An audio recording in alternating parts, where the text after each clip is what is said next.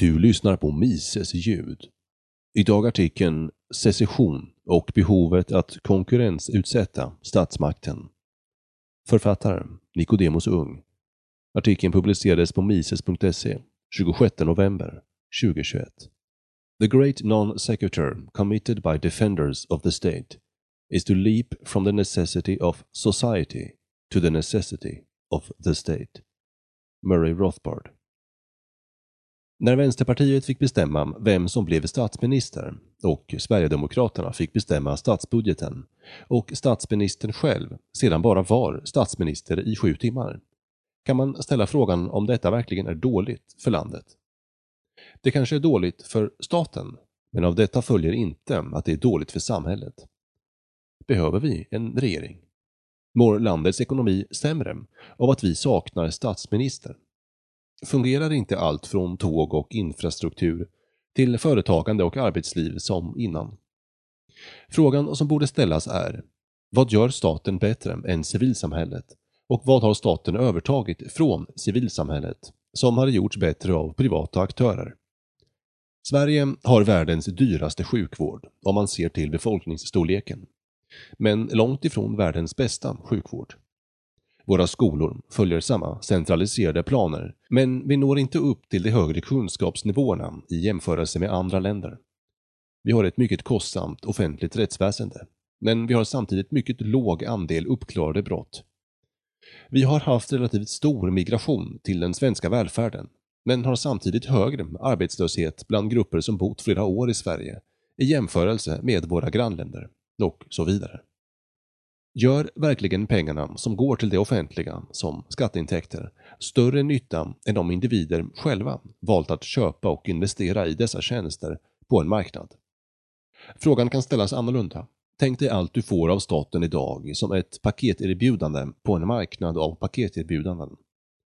Det paket du i så fall köper av staten och där dagens skola, sjukvård, rättsväsende och myndigheter med mera ingår kostar dels arbetsgivaravgifter mervärdesskatt, bensinskatt, tobaksskatt, alkoholskatt och andra skatter som du i så fall är villig att ge för att behålla denna paketlösning. Tänk dig nu att detta paket konkurrensutsätts av privata lösningar, försäkringar och alternativa paketerbjudanden. Skillnaden är att det nu är det civila samhällets företag som erbjuder skola, sjukvård, polisiärt beskydd, pensionsförsäkringar, brandförsäkringar och försäkringar vid arbetslöshet. Det du betalar in är också det skyldig att betala tillbaka. Du kan även bestämma att en viss procent även omfattar individer som inte har betalat någon försäkring överhuvudtaget. Du kan själv välja att vara generös med dina privata medel utan att en politiker går in som konsult och mellanhand. Intuitivt kommer kostnaderna att minska och tjänsterna att effektiviseras då företag börjar att konkurrera om dem. Det kan också skräddarsys till vad du faktiskt efterfrågar.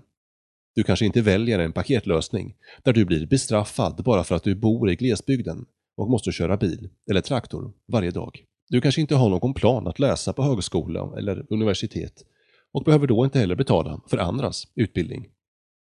Du vill förmodligen ha en bra sjukvård och är villig att välja ett försäkringserbjudande som även inkluderar de som inte har råd. Civila lösningar skulle förmodligen med tiden visa sig mer effektiva på alla dessa områden. Vidare skulle du kunna välja vissa paket som avreglerade bostadsmarknaden och tillät nyproduktion. Det skulle stå varje markägare fritt att välja att bygga bostäder även för uthyrning. Bostads och hemlöshetsproblematiken skulle i hög utsträckning försvinna då det skulle löna sig att bygga mindre bostadsmoduler för hyresgäster som efterfrågar lägre hyror. Den stora skillnaden mot idag är att du i utbyte mot denna frihet inte skulle kunna välja politiker som avskaffade friheten för andra. Du skulle kunna vara tvungen att stå ut med att vissa individer också fick det bättre än du själv. Ett tankefel många gör som tror att staten ska lösa problem för de sämst ställda är att de tror att politiken och statens tvångsmonopol är den bästa lösningen för social rättvisa. I en demokrati betyder detta att vissa partier som står för den sociala rättvisan får mer röster än andra partier. Den självklara frågan är då varför inte samma altruism mot de sämst ställda skulle kunna utövas i civilsamhället direkt. Varför måste altruismen utövas genom det statliga tvånget? Behöver du som individ ett extra samvete hos en politiker för att kunna handla moraliskt? Varför tillåts dessutom inte hemskolning och olika utbildningsalternativ som bättre motsvarar behov och efterfrågan?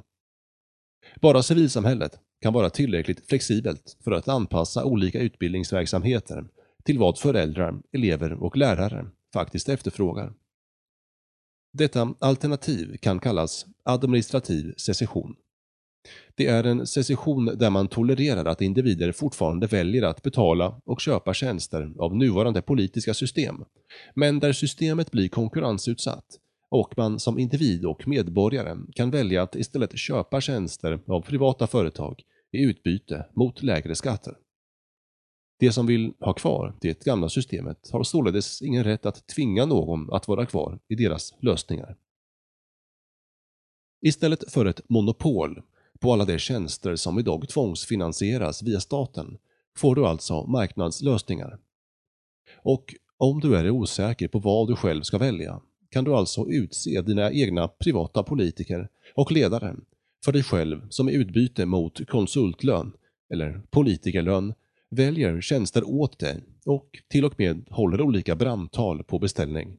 En del konsulter kanske blir så tacksamma att de håller riktade politiska tal på din 50-årsfest. Låter allt detta radikalt? Det är det inte. När man väl förstår att politiken egentligen består av individer som anser sig veta bättre än medborgarna hur en stor del av medborgarnas och företagens pengar ska spenderas, så inser man att man har att göra med en slags konsulter med tvingande anspråk. De tar också mycket till arvode för sina åsikter och konsulttjänster. De menar ju att de representerar dig som medborgare. Det är därför det kallas representativ demokrati. Problemet är bara att alla medborgare idag inte känner att de representeras politiskt och att det paket som konsulterna erbjuder blivit så pass kostsamt och ineffektivt att det behöver konkurrensutsättas. Ett alternativ till administrativ secession är att man helt enkelt avvecklar nuvarande system helt och hållet och decentraliserar den politiska och ekonomiska makten från EU och stat till individerna och företagen. De som tidigare röstat på exempelvis Centerpartiet kan då bygga sin politiska vision lokalt och ta betalt för detta.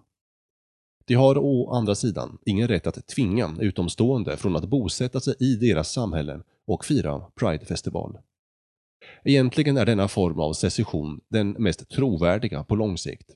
I Storbritanniens fall började det med Brexit.